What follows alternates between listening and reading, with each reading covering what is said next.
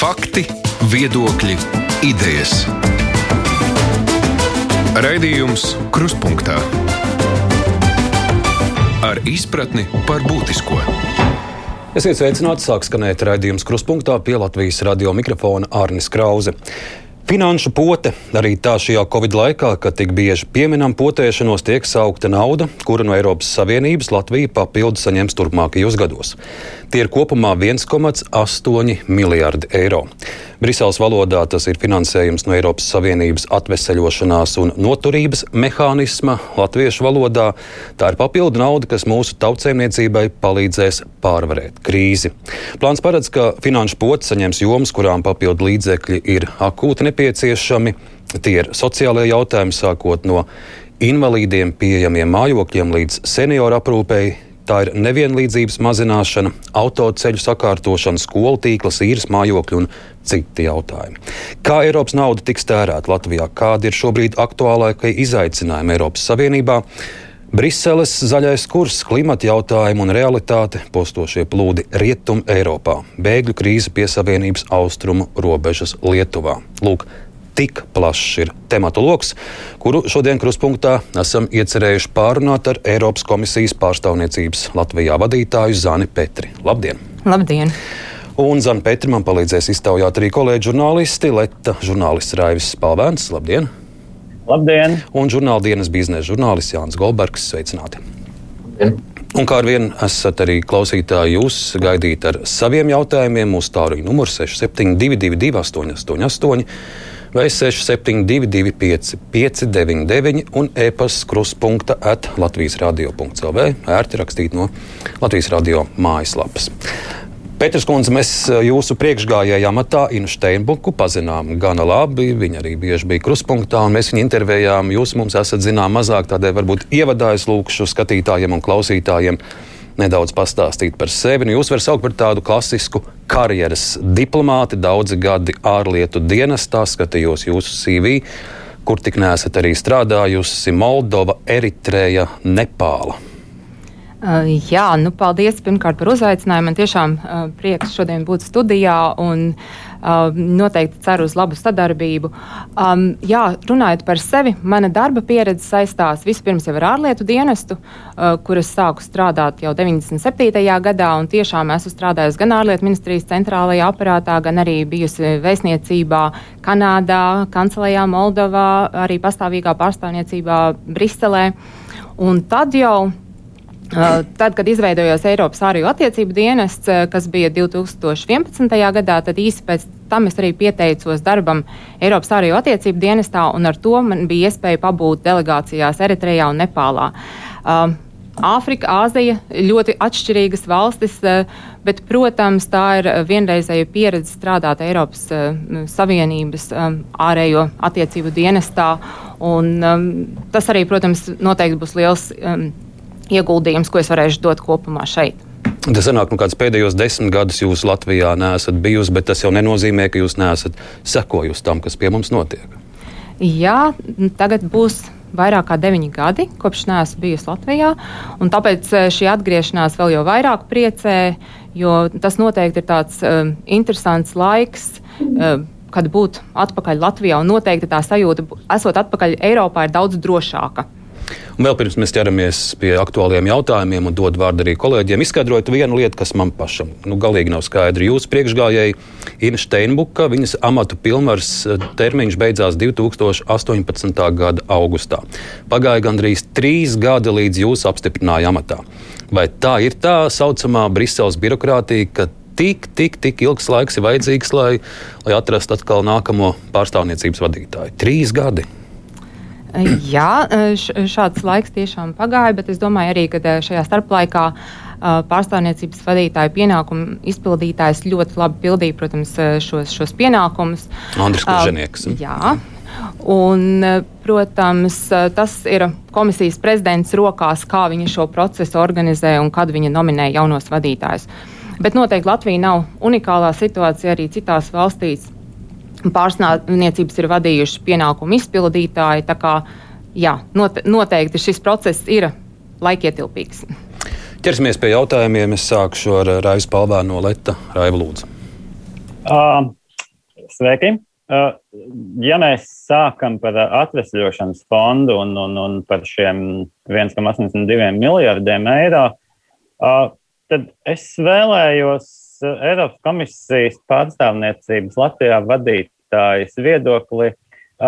Jūsu pārstāvniecībai ir arī tāds analītiskais dienests. Varbūt kāds ir bija tas jūsu vērtējums šim Latvijas pieteikt, Latvijas izstrādātajam atvesļošanas plānam?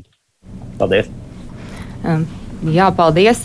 Um, es domāju, ka uh, šī plāna izstrāde, protams, aizņēma zināmu laiku, un mēs zinām, ka sākumā bija sava veida skepse, vai plāns ir pietiekoši kvalitatīvs, vai ir e, izpildīti visi nepieciešamie nosacījumi.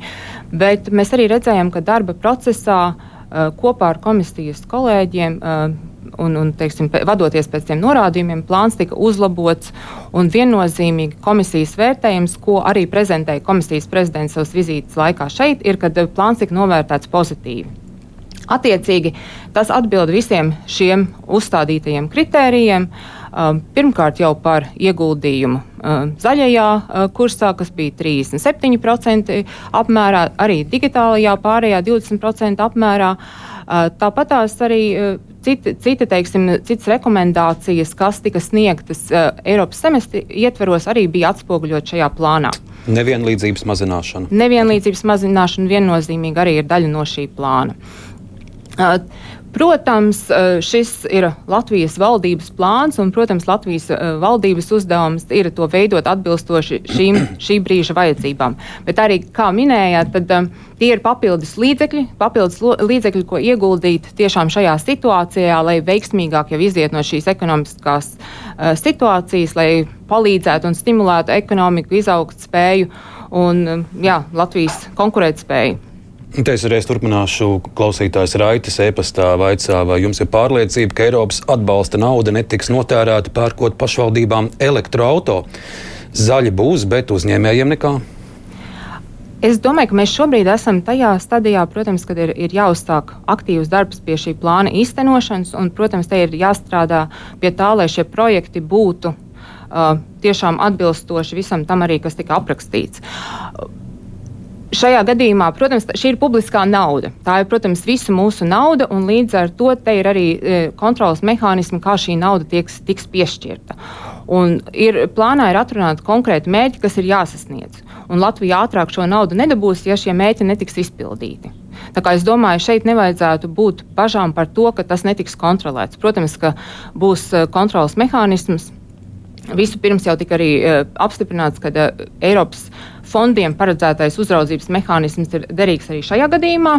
Pēc tam, protams, tā ir Eiropas komisija, tad tā var būt arī revīzijas palāta un tā tālāk nepieciešamības gadījumā. Tā kā es domāju, ka ir šis mehānisms, Sakots. kā sekot. Jā. Raivi, vēl jautājumi?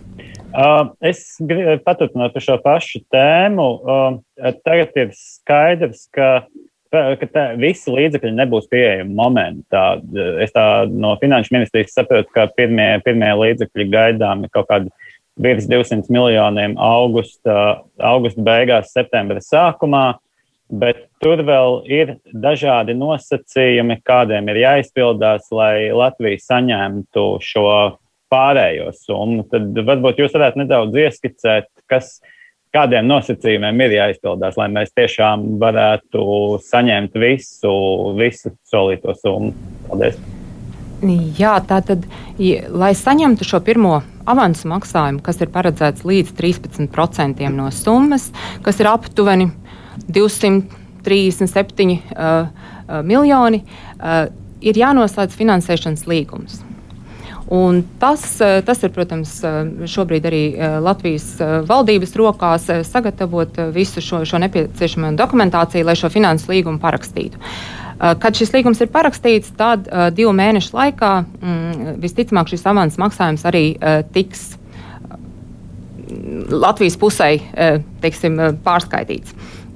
Tālāk, jau, lai tiktu pie pārējiem maksājumiem, ir, būs jāiesniedz, kā jau minēju, atskaite par to, ka um, šie mērķi ir sasniegti. Un tas jau ir atkal uh, Latvijas puses rokās, kā viņi šīs, šo, šīs atskaites iesniegs. Tas, kā es to saprotu, ir, ka viņi to plāno darīt vienreiz gadā. Un, un šī pirmā reize, kad viņi to iesniegtu, būtu uh, 2022. gada pirmajā pusē. Un tad, attiecīgi, pēc šī, šī, šīs iesniegšanas, attie, arī Eiropas pusē tiktu skatīt, vai tas atbilst šiem noteiktajiem mērķiem, un attiecīgi tiktu veikts maksājums. Kolēģis Jānis Goldbergs no dienas biznesa. Jā, nu mans jautājums kopums vairāk ir saistīts jau ar, ar nākotnes plāniem, ja Eiropas komisijas pieņemtiem priekšlikumu paketi par klimatu, uh, enerģetikas, zemes izmantošanas, transporta un nodokļu politiku, kur ir paredzēti tad izmaiņas vairākās jomās, veselā virknē jomu. Un, Varbūt tas pirmais jautājums būtu, ko, kas tad mainās, jeb ko ir plānots mainīt uh, Eiropas emisijas kvotu tirzniecības sistēmā, ko tas nozīmē nākotnē tieši Latvijai varbūt? Uh. Pagājušajā nedēļā uh, komisija vienojās jā, par šo jauno klimata paketi, uh, kas bija turpinājums arī tam diskusijām par to, kā sasniegt šos ambiciosos mērķus, par ko Eiropas Savienības dalību valstu vadītāji ir vienojušies. Respektīvi, Eiropai kļūst klimata neitrālai līdz 2050. gadam, un attiecīgi šajā starposmā līdz 2030. gadam arī sasniegt jau uh, krietni vairāk nekā tas bija paredzēts iepriekš. Tas ir tā saucamais zaļais kurs. Tas ir tā saucamais zaļais kurs. Uh, un uh, šī pakete ietvēra ļoti plašu uh, tiesību aktu loku. Un viens no tām tiešām bija šīs emisiju uh, kvotu, uh, kvotas un emisiju kvotu tirzniecība. Tas, kas uh, ir komisijas priekšlikumā uh, paredzēts, ir, ka šīs kvotas palielina attiecīgi arī uz citiem sektoriem. Un te ir runa Latvijas gadījumā, kas varētu būt varbūt, arī. Vairāk interesanti. Te ir runa par to, ka arī būtu kvotas transportam un ēkām. Uh, respektīvi, tai siltumenerģijai, ko mēs izmantojam ēkām, vai uh, teiksim, degvielai, ko mēs izmantojam transportam, tad nāktu klāt papildus uh, šīs, šīs emisiju kvotas. Zaļā kursa mērķis ir, protams, sekmēt šo pāreju uz zaļo ekonomiku, uz cita veida ekonomiku. Un tādēļ šī pakete, protams, ir arī ļoti ambicioza, un par to vēl diskusijas turpināsies. Ar parlamentu, ar, ar padomi. Tad jau, protams, mēs redzēsim, kāds būs šis iznākums. Bet uh, komisijas mērķis bija panākt šo vienoto. Mm, tādu konsolidēto versiju, uh, kas tad atrisinātu vai palīdzētu atrisināt virkni jautājumus. Bet ļaudis var teikt, ka nu, mēs ar saviem trīs hesiem jau tā esam krietni zaļi Latvijā.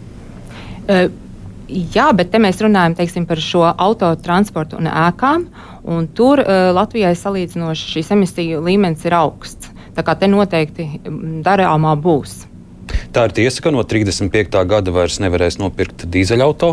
Tāds plāns ir. Jā, tas ir arī viens no uh, šiem ambicioziem mērķiem, ka 35. gadā uh, vi, ir jābūt nulles emisijas autotransportam. Uh, respektīvi, tie būtu vai nu elektroautomobīļi vai um, ūdeņraža automobīļi. Tā kā, tā, tā, tāds ir viens no šiem uh, mērķiem. Jā, Jāni, vēl jautājumi? Uh, jā, es varbūt precizējot par to pašu emisiju samazināšanas mērķiem, ēkām, ceļiem, iekšzemes jūras transportam, lauksaimniecībai un citām lietām. Šeit ir ietverts tāds plāns, ka uh, viens no galvenajiem kritērijiem šo mērķu pamatā ir IKP uz vienu iedzīvotāju. Kā mēs zinām, Rietumē Eiropas valstīs uh, nu, palielinās tas skaitītājs IKP, bet mums vairāk samazinās um, saucējs, ja iedzīvotājs skaists valstī, un tādā veidā mēs kļūstam makroekonomiski labāk izskatīgi. Un no šī viedokļa raugoties, ja attiecina šo rādītāju uz visām valstīm vienlīdzīgi, vai tas būs īsti godīgi? Nu, tie, tas kritērijs strādās visur vienādi, jūsuprāt? Um, kā jau es minēju, tas ir šī brīža tas ir komisijas piedāvājums, kāda šī pakete varētu izskatīties. Un uh, šeit noteikti šīs diskusijas turpināsies par to, kā, kā tieši šo uh, pēc tam sadalīt. Un te noteikti dalību valstīm vēl būs daudz, daudz un dažādi argumenti par vienu vai otru no šiem paketes uh, sastāvdaļām. Bet, bet viennozīmīgi jā, ir tas, ka Lat arī Latvijas gadījumā tas ietekmēs, tas ietekmēs uh, uh, to, ka būs nepieciešams šīs inovācijas, būs nepieciešams pāriet teiksim, uz šo. Uh, videi draudzīgo transportu, būs nepieciešamība domāt par energoefektīvām mājām, būs nepieciešamība arī domāt vairāk par alternatīvajiem energoresursiem. Es domāju, tas kurs ir skaidrs, un kā arī teica Eiropas komisijas viceprezidents Frans Timermans, ka šī brīža situācijā un skatoties, kas notiek tepat, tepat mums blakus Eiropā, Beļģijā un Vācijā, vienkārši Eiropa vairs nevar atļauties neko nedarīt. Un tāpēc šis ir tāds kompromisa piedāvājums, protams, tālākai apspriešanai. Raivi, tev kāds jautājums vēl? Uh, par, par šiem pašiem uh, zaļajiem mērķiem, protams, ka tie ir uh, ambiciozi, un, bet cik ļoti Latvija būs uh, gatava tos, tos īstenot, ņemot vērā tomēr, ka Eiropā, Eiropas valstīs situācija ir ļoti atšķirīga, un, un, un vai, vai, vai, vai šie šie mērķi ļoti neuzspiedīs uz uh, valsts kaut kādām finansēm, iespējām vispār ieviest kaut kādas izmaiņas.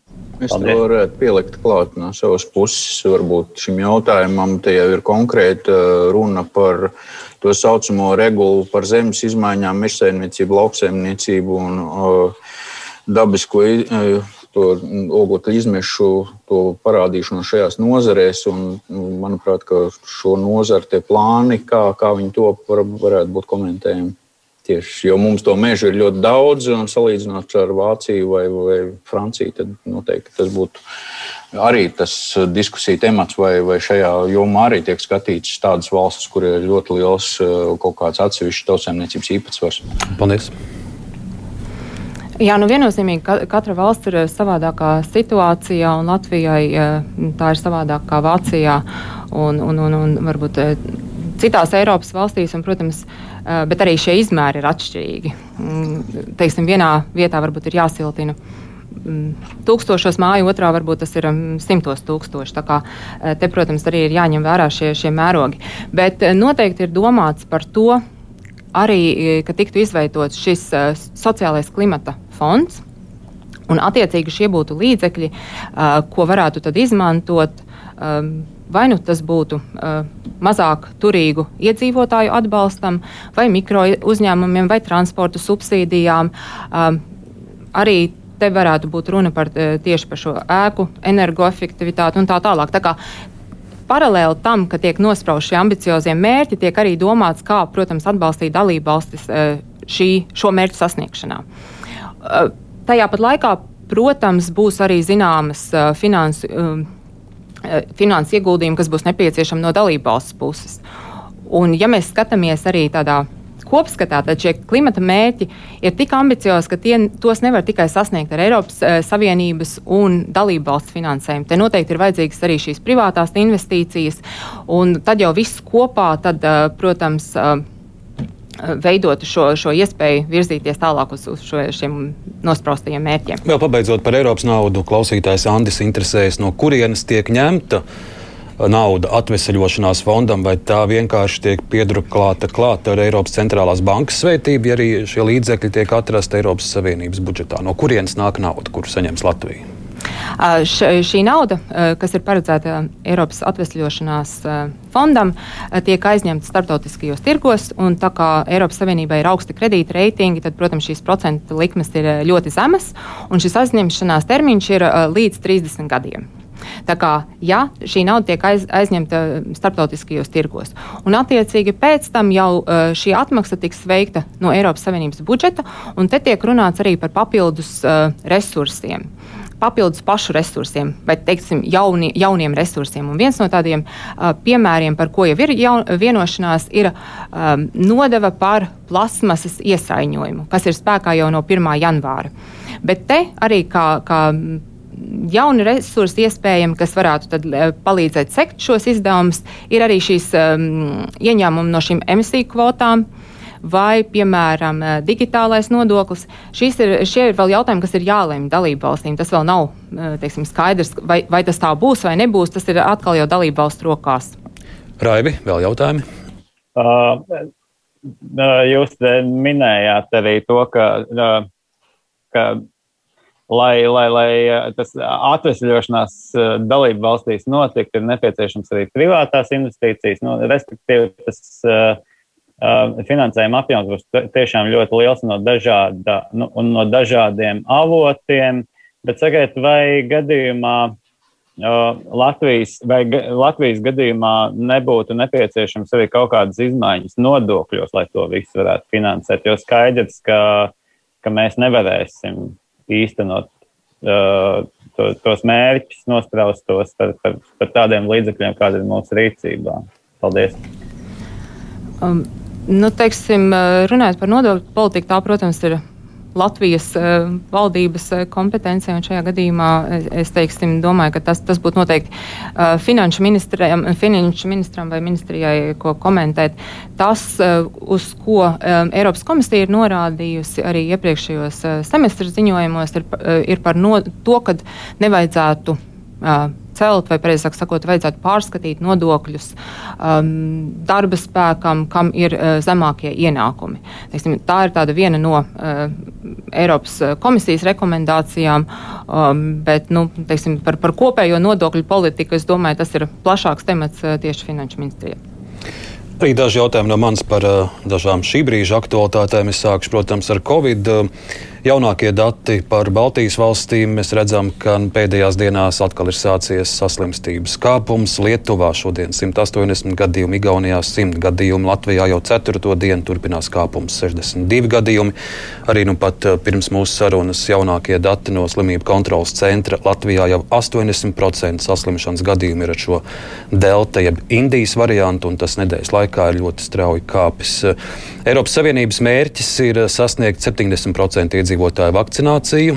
Dati liecina, ka šobrīd jau puse no visiem pieaugušajiem Eiropas Savienībā ir vakcinēti. Latvija vēl netuvu nav pusēji, un arī pēdējo dienu sabiedrības liela. Uh, liela tāda ažiotāža par pedagoģu arotbiedrības pētījumu, kur 35% pedagoģu arotbiedrības dalībnieki saka, ka viņi nemaz nevakcinēsies. Kā Eiropas komisija uz to raugās, kas notiek Latvijā un kāds ir sabiedrības vēlme potēties? No, er, Eiropas um, komisijas ietvaros, Eiropas Savienības ietvaros, teiksim, primārais uzdevums bija šī, šī vakcīnu uh, pieejamība visiem. Un, uh, tiešām mēs varam teikt, ka tas ir tāds veiksmes stāsts, jo uz šo brīdi tiešām vakcīnas ir pieejamas um, vienlīdz visiem, kam, kam, kam tās. Uh, teiksim, būtu, būtu nepieciešams šobrīd. Un mēs pat varam palīdzēt jau trešajām valstīm. Latvijas gadījumā pat noliktavas ir pilnas, un mums jāskatās, tur dažām tūlīt derīguma termiņš beigsies. Jā, jā nu, nu tas, tas nozīmē to, ka teiksim, Eiropas Savienība ir bijusi ļoti sekmīga teiksim, šajā, šajā procesā, lai šīs vakcīnas nodrošinātu visiem um, Eiropas iedzīvotājiem. Uh, Jā, diemžēl liels bažas ir šis uh, jaunais, jaunie varianti, kas, kas parādās un kas izplatās ar vien straujāk. Un te nedaudz atkāpjoties, protams, tas ir cieši saistīts arī ar, ar nākotnes ekonomikas izaugsmas iespējām, jo šie abi procesi nav atdalāmi. Un mēs redzam arī, ka ekonomikas prognozes valstīs, kur vakcinācijas tempi ir augstāki, arī ir labākas. Ja? Te, te būtu jāņem arī vērā ši, šis jautājums, domājot par, par Latvijas tālāko attīstību. Runājot par, par vakcināciju, jā, tas ir dalību valsts kompetencē, kā organizēt šo procesu. Es domāju, ka Eiropas eh, komisija, protams, ir mēģinājusi arī uh, virkni kampaņas, lai uh, pirmkārt jau skaidrotu cilvēkiem.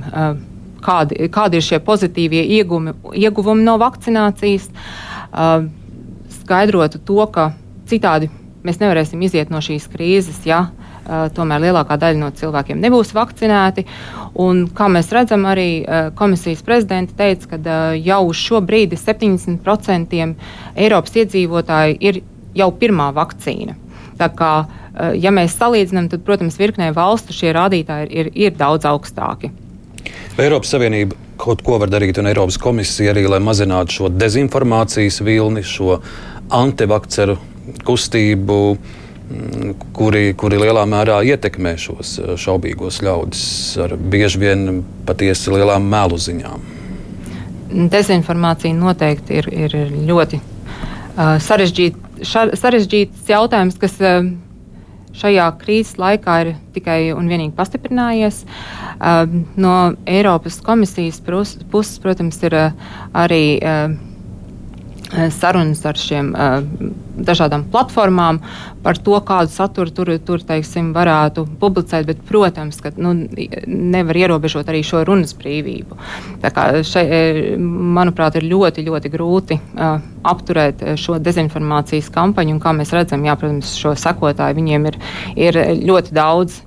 Bet nu, ļoti, ļoti jācer, ka jā, ar 1. septembri gan skolēni varēs atgriezties skolās, gan, gan teiksim, arī šīs visas ekonomiskās aktivitātes varēs turpināties. Un, un Latvijas gadījumā nebūs jā, jā, jāievieš kādi stingrāki mēri. Kolēģi, vēl jūs jautājumu, lūdzu. Es uh, gribēju par šo pašu tēmu, par uh, dezinformāciju un, un, un, un vakcināciju. Uh, vai gadījumā Eiropas komisijai vai, nu, vai jūsuprāt, Eiropas komisijas iesaiste ir pietiekama sadarbojoties ar nacionālajām valstīm, lai, lai izskaustu šo dezinformāciju un viltus ziņu? Paldies! Nu, šajā not jomā noteikti ir vēl ļoti daudz darāmā. Uh, viena no komisijas prioritātēm arī šajā Eiropas demokrātijas uh, plānā bija uh, cīņa ar dezinformāciju. Bet, kā, mēs, kā mēs redzam, jā, tas plas, prasa uh, lielus resursus, sadarbība, protams, arī. Uh, dažādu iesaistīto pušu starpā, bet nu, tas, tas noteikti nav kaut kas tāds, ko, ko varētu atrisināt ātri un viegli. Un, un mēs redzam, ka jā, šie dezinformācijas kanāli ir, ir dažādi. Un, uh, tos, tos apkarot noteikti prasīs ilgu laiku. Un, ja viena grupa aizslēdz Facebook, viņi atkal atrod vietu, kur kaut kur tieši citur tā, turpināt savus melu plūdus. Jāni, jums jautājums? Nu, es varbūt tieši arī par šo vārdu brīvības ierobežošanu, un kas tas saistās ar atjaunošanas noturības fondu, ja mehānismu. Konkrēti divas valsts, Polija un Ungārija, ir mazliet strīdīgās pozīcijās ar Eiropas parlamentu par tiesiskumu regulu, un, un viņiem tiek pārmestas lietas. Un no otras puses ir arī tas, ka viņi ir tādas pašas valsts kā pārējās, kas garantē šo aizņēmumu, to starp gan savu, gan mūsu. Uh, Uh, un tad, cik tālu ir šī uh, sarunu fāze ar uh, jeb, jeb konflikta noregulējums, jo it kā mums ANM ir pilnā apmērā šobrīd visām valstīm, tad kā tad tas atrisināsies gala beigās? Um, Jā, nu, nu šajā gadījumā, protams, šīs diskusijas, manuprāt, joprojām turpinās. Es konkrēti gan nekomentēšu par to, kādā fāzē ir, ir šobrīd, bet um, arī varbūt sasaistot nedaudz ar vakardienas tiesiskuma ziņojumu. Mēs redzam, ka um, arī šajā ziņojumā ir parādīts, protams, ka um, Polijā un Ungārijā ir uh, zināmi izaicinājumi, ar ko viņiem ir jātiek galā tieši šajā tieslietu, tieslietu jomā. Te, te, protams, ir runas gan par uh, korupciju, gan par dažādiem citiem jautājumiem. Tā kā, Tieši par, par šo tematu, protams, viņas, viņas nav tieši saistītas šīs sarunas, bet es domāju, ka nu, mēs redzam arī no šī tieslietu ziņojuma, ka zināmi izaicinājumi un problēmas pastāv. Ja reiz mēs pieminam Ungāriju, nu mums brīvajā mikrofonā faktiski nav tāda diena, kad kāds klausītājs nepiezvanītu un neaktualizētu šo stāstu. Un, un tā ļoti vienkāršojot, tas jautājums vienmēr ir, kādēļ Brisele neliek mierā Ungārus? Kādēļ tā ir pieķērušies Ungārijai? Nu, es domāju, ka ir, ir redzēti virkni piemēri, vai tas būtu attiecībā uz mēdījiem vai nevalstiskajiem organizācijām, vai teiksim, pēdējais gadījums, protams, par šo LGBT kopienu. Es domāju, ka tie ir konkrēti piemēri, kāpēc teiksim, tiek pievērsta uzmanība. Un te šī Eiropas kopējās vērtības un pamatnostādnes ir ļoti skaidrs. Līdz ar to arī, protams, nu, nevaram izvairīties par šīm, par šīm lietām runāt. Jūs pieminējāt tiesiskumu ziņojumu, tur ir daudz kas par Ungāriju, bet mēs nevaram izvairīties arī nepieminot, ka arī Latvija šajā ziņojumā ir vērtēta un sadaļā par mediju brīvību Latvijā ir secināts, ka Covid laikā pastiprinājās bāžas par žurnālistu iespējām piekļūt informācijai. Nu, patiesi dēļ šiem attālinātajām lietām eh, mums žurnālistiem Ierasti bija viegli saimā vai valdības gaitiņos satikt amatpersonas un prasīt nērts jautājumus. Tagad bieži vien šajā attālinātajā formātā tika teikts, ka saruna ilgs tikai desmit minūtes un visu nevarēja pagūt noskaidrot. Tāpat vakardienas publiskotajā ziņojumā ir norādīta satraucoša tendence, ka Žurnālistiem Latvijā nākas saskarties ar personiskiem uzbrukumiem interneta vidē. Nereti tie nāk arī no politiķiem, jā, arī vairāk mani kolēģi ir šādus uzbrukumus un arī no politiķiem pieredzējuši. Tad, tad, tā, ir, tā, tā ir arī Eiropas komisija pārstāvniecība Latvijā. Tam visam seko, to visu monitorē un par to visu ziņo Briselei un komisijas prezidentei. Eh, šajā gadījumā eh, tika organizēta speciāla eh, misija, kas bija, kuras sastāvā bija kolēģi no Briseles, no dažādiem ģenerāldirektorātiem, un tika organizēts virkni tikšanās ar Latvijas puses pārstāvjiem. Tā rezultātā arī top šis ziņojums. Protams, arī pārstāvniecība ir iesaistīta visā šajā procesā. Runājot par, par šo ziņojumu un par Latvijas sadaļu, es domāju, ka kopumā viņš ir ļoti pozitīvs. Viņš ir novērtēts, eh, ka šī tieslietu sistēmā ir, ir zināmi eh, uzlabojumi. Tostarp ir pieņemts ētikas kodeks, tostarp ir teiksim, arī jauna atlases sistēma tiesnešu kvalifikācijai. Protams, ir arī zināmi izaicinājumi, un šeit viens no tādiem bija personāla jautājums, vai tas būtu tieslietu padomē vai jaunajā ekonomisko lietu padomē. Kā, manuprāt, tur ir virkne lietas analizētas. Runājot par, par mēdījiem. Um, Jā, nu es teiktu, ka ne tikai mēdījiem. Es domāju, ka visiem uh, Covid laiks ir bijis liels izaicinājums un, un lietas, ko varēja klātienē. Um, jebkura no mūsu darbiem, teiksim, šobrīd nav tik vienkārši. Un tās lietas, jā, ko, ko, ko varēja uzdot un izrunāt klātienē, šobrīd jā, vairs nevedās tik viegli. Kā, eh, te, jā, es, protams, saprotu, ka nav, nav vienkārši vairs no, noķert kādu uh, gaitenī, bet, nu, bet tas, ko norāda Eiropas komisija, jā. ka žurnālistiem ir jānodrošina iespēja piekļūt informācijai, neraugoties uz Covid vai uz ko citu informācijai. Piekļuvē ir jābūt. Kolēģi, vēl jūs jautājumi? Es gribēju pajautāt, kopumā par, par to, cik Latvija ir disciplinēta, ņemot vērā kaut kādas Eiropas komisijas rekomendācijas, vai, nu, vai mēs tā naski ņemam vērā, vai tomēr kūtri. Paldies! Jo dažkārt ir izskan, ka varbūt mēs pat pārsteidzamies un skrienam pa priekšu Briseles ieteikumiem. Arī, arī tādi piemēri dzirdēti. Nē, nu, šis ziņojums, šī ziņojuma pamatā bija uh, pirmais ziņojums, kas tika sagatavots gadu iepriekš. Šeit tieši tika arī vērtēts tas, kas ir sasniegts šo, šī gada, šo desmit mēnešu laikā. Es domāju, tās uh, tie norādījumi, kas bija iepriekšējā ziņojumā, uh, ir tikuši ņemti vērā. Un, nu, vismaz daļa un iespēja robežās, un tas arī attainots šajā ziņojumā. Tāpēc arī šis vērtējums ir, ir gana pozitīvs. Uh, Citās jomās, kā, kā Latvijai vedas eh, patiesiskumu, tā tad bija vakar, bet eh, citās jomās, kāda mēs izskatāmies, cik izpildīgi. Es domāju, ka te ir grūti eh, runāt par, par visām jomām, jo, protams, katra no jomām ir, ir atšķirīga. Un, eh, kā jau es arī minēju, tad man personīgi vēl nav pagājuši arī simts dienas šajā amatā, tā kā ar, ar, teiksim, ar katru no šīm jomām. Un, man noteikti vajadzēs arī laiku, lai iepazītos vairāk. Bet um, es domāju, ka, ja mēs runājam arī par šīm pašām Eiropas semestra rekomendācijām, tad um, mēs redzam, jā, ka Latvija uh, iespēja robežās ņem vērā lietas, un, un, tajā, un tās, tās arī atspoguļojas, teiksim, kaut vai runājot par šo atvesļošanās plānu, ka virkni no šīm reformām, uh, kas tika ieteiktas Eiropas uh, semestra ietvaros, arī parādās tad, uh, atvesļošanās plānā. Tas kā viens no piemēriem. Jāni, jūs jautājumi? Varbūt var noprecizēt to ANM nevis pamatsummu, bet ir vēl summa, ko Latvija var aizņemties arī šī plāna ietvarā.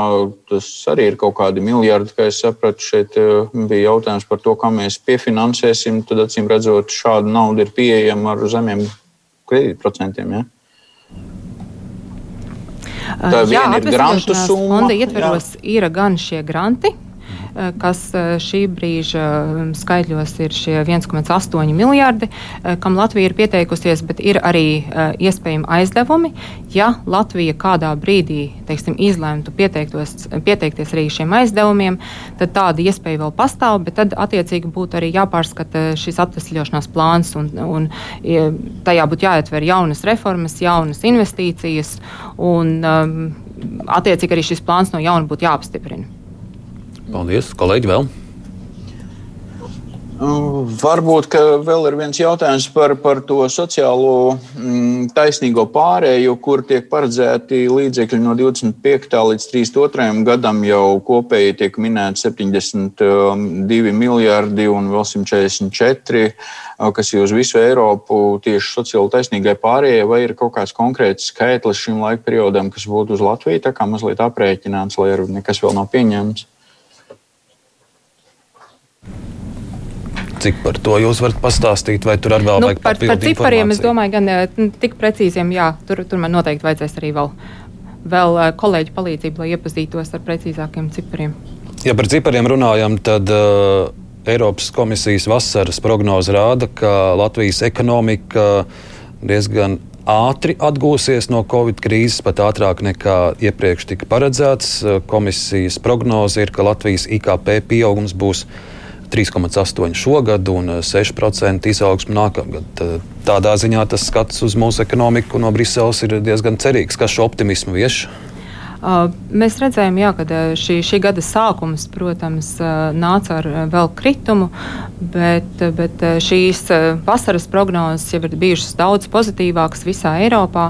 Un, teiksim, Eiropā arī šis ekonomikas pieaugums ir jau augstāks nekā pavasara prognozēs, kur bija, manuprāt, šobrīd ir 4,5%. 5% visas Eiropas ietvaros, un jā, jūs minētie skaitļi jau Latvijas mērogā. Visa šī, šī atvesaļošanās uh, un izēja no krīzes, protams, uh, saistās arī ar to, ka pieaug šī ekonomiskā aktivitāte, uh, mazinās šie spēkā esošie ierobežojumi. Un, te, ja mēs skatāmies arī nākotnē, tad, protams, liela. liela liela ietekme tam, kā ekonomika attīstīsies, būs gan šim privātajam patēriņam, gan investīcijām. Un te, te noteikti skatoties atkal uz priekšu, šis atvesļošanās eh, fonda līdzekļi, eh, un ne tikai, protams, arī cita Eiropas Savienības nauda, arī nākamajos gados Real Baltica finansējums uh, dos būtisku atspaidu un, teiksim, palīdzēs šie, šai ekonomikas izaugsmai. Vēl uh, viens stāsts 9. maijā tika atklāta uh, konference, tāda kā virtuāla konference par Eiropas nākotni. Tajā aicinot piedalīties visu dalību valstu iedzīvotājus. Cik Latvijas iedzīvotājiem ir liela interese par Eiropas nākotnes jautājumiem? Es ļoti ceru, ka Latvijas iedzīvotājiem ir un būs uh, interese par Eiropas nākotni, jo tā ir tā ir tā Eiropa, kurā dzīvos mūsu bērni, mazbērni. Un es noteikti ceru uz aktīvām diskusijām. Uh, īsumā varbūt par šo konferenci. Jā, uh, šī konference tika atklāta Eiropas dienā, 9. maijā. Un, uh, tā pamatdoma ir, ka iedzīvotāji var paust savu viedokli digitālajā platformā. Un tā ir pieejama visās Eiropas Savienības valodās. Līdz ar to, ja kāds ieraksta latviešu valodā, eh, viņa vēstījums arī tiek pārtulkots eh, vai var tikt pārtulkots jebkurā citā valodā. Un šajā platformā ir iespējams gan paust savu viedokli, gan komentēt, ko citi saka, gan arī pieteikt savus pasākumus. Un eh, te mēs redzam, ka, protams, arī Latvijā tie, tiek organizēti pasākumi. Mēs paši arī organizējam atklāšanas pasākumu un plānojam virkni diskusijas par tiesību jautājumiem, par sociāliem un ekonomiskiem jautājumiem, par jauniešu jautājumiem. Bet tā doma ir, kad, eh, kad iedzīvotājiem ir jābūt aktīviem. Un te es noteikti, noteikti gribētu aicināt visus būt aktīviem un iesaistīties šajā diskusijā. Un arī uh, pārstāvniecību kopā ar, ar Eiropu. Europe Direct centriem, kas šobrīd darbojas septiņās Latvijas pilsētās, arī noteikti aicina piedalīties arī šo Europe Direct centru pasākumos, bet arī, protams, pašiem nākt ar iniciatīvu. Un vai nu paust savu viedokli, vai organizēt pasākumus un paust, paust uh, savas idejas. Un mums vēl ir minūte viens īsts jautājums. Viens no Eiropas komisijas uzdevumiem bija ieviest Eiropas Savienību arī šo digitālo certifikātu, lai ļaudis varētu cevišķi tagad vasarā atvaļinājuma laikā droši ceļot. Vai mums ir jāpieņem, ka tā tagad būs ikdiena, varbūt pat krietnus gadus uz priekšu, ka šāds certifikāts Eiropas Savienībā darbosies? Bez vakcinēšanās, bez šāda certifikāta nekur tālu mēs neaizceļosim Savienības robežās. Nu, es domāju, tas viss būs atkarīgs no tā, kā mums sekmēsies ar pandēmijas uzveikšanu. Bet šis noteikti ir vēl viens no tādiem Eiropas Savienības sasniegumiem, tik īsā laikā vienoties par šo regulējumu un panākt, ka ir gan šis tiesiskais regulējums šim certifikātam, gan arī šis tehniskais risinājums. Un dalību valstu izdotie certifikāti ir savietojami un darbojas visās Eiropas Savienības valstīs. Un es domāju, ka Protams, tas atvieglos ceļošanu, kas ir, arī ir šis mērķis. Tas nav kā priekšnosacījums, jo uh, pārvietošanās ir mūsu tiesība, bet tajā pašā laikā tas noteikti šajā situācijā palīdzēs un, un atvieglos šo pārvietošanos. Paldies jums, paldies jums par sarunu! Veiksim darbā. Tūlīt arī pirmās simts dienas, saprot, drīz būs aizdīts jaunajā amatā. Veiksim jums! Kruspunktā studijā bija Eiropas komisijas pārstāvniecības Latvijā vadītāja Zana Petra un arī kolēģi žurnālisti Rēvis Spalvāns un Jānis Goldbergs palīdzēja man iztaujāšanā. Paldies jums visiem!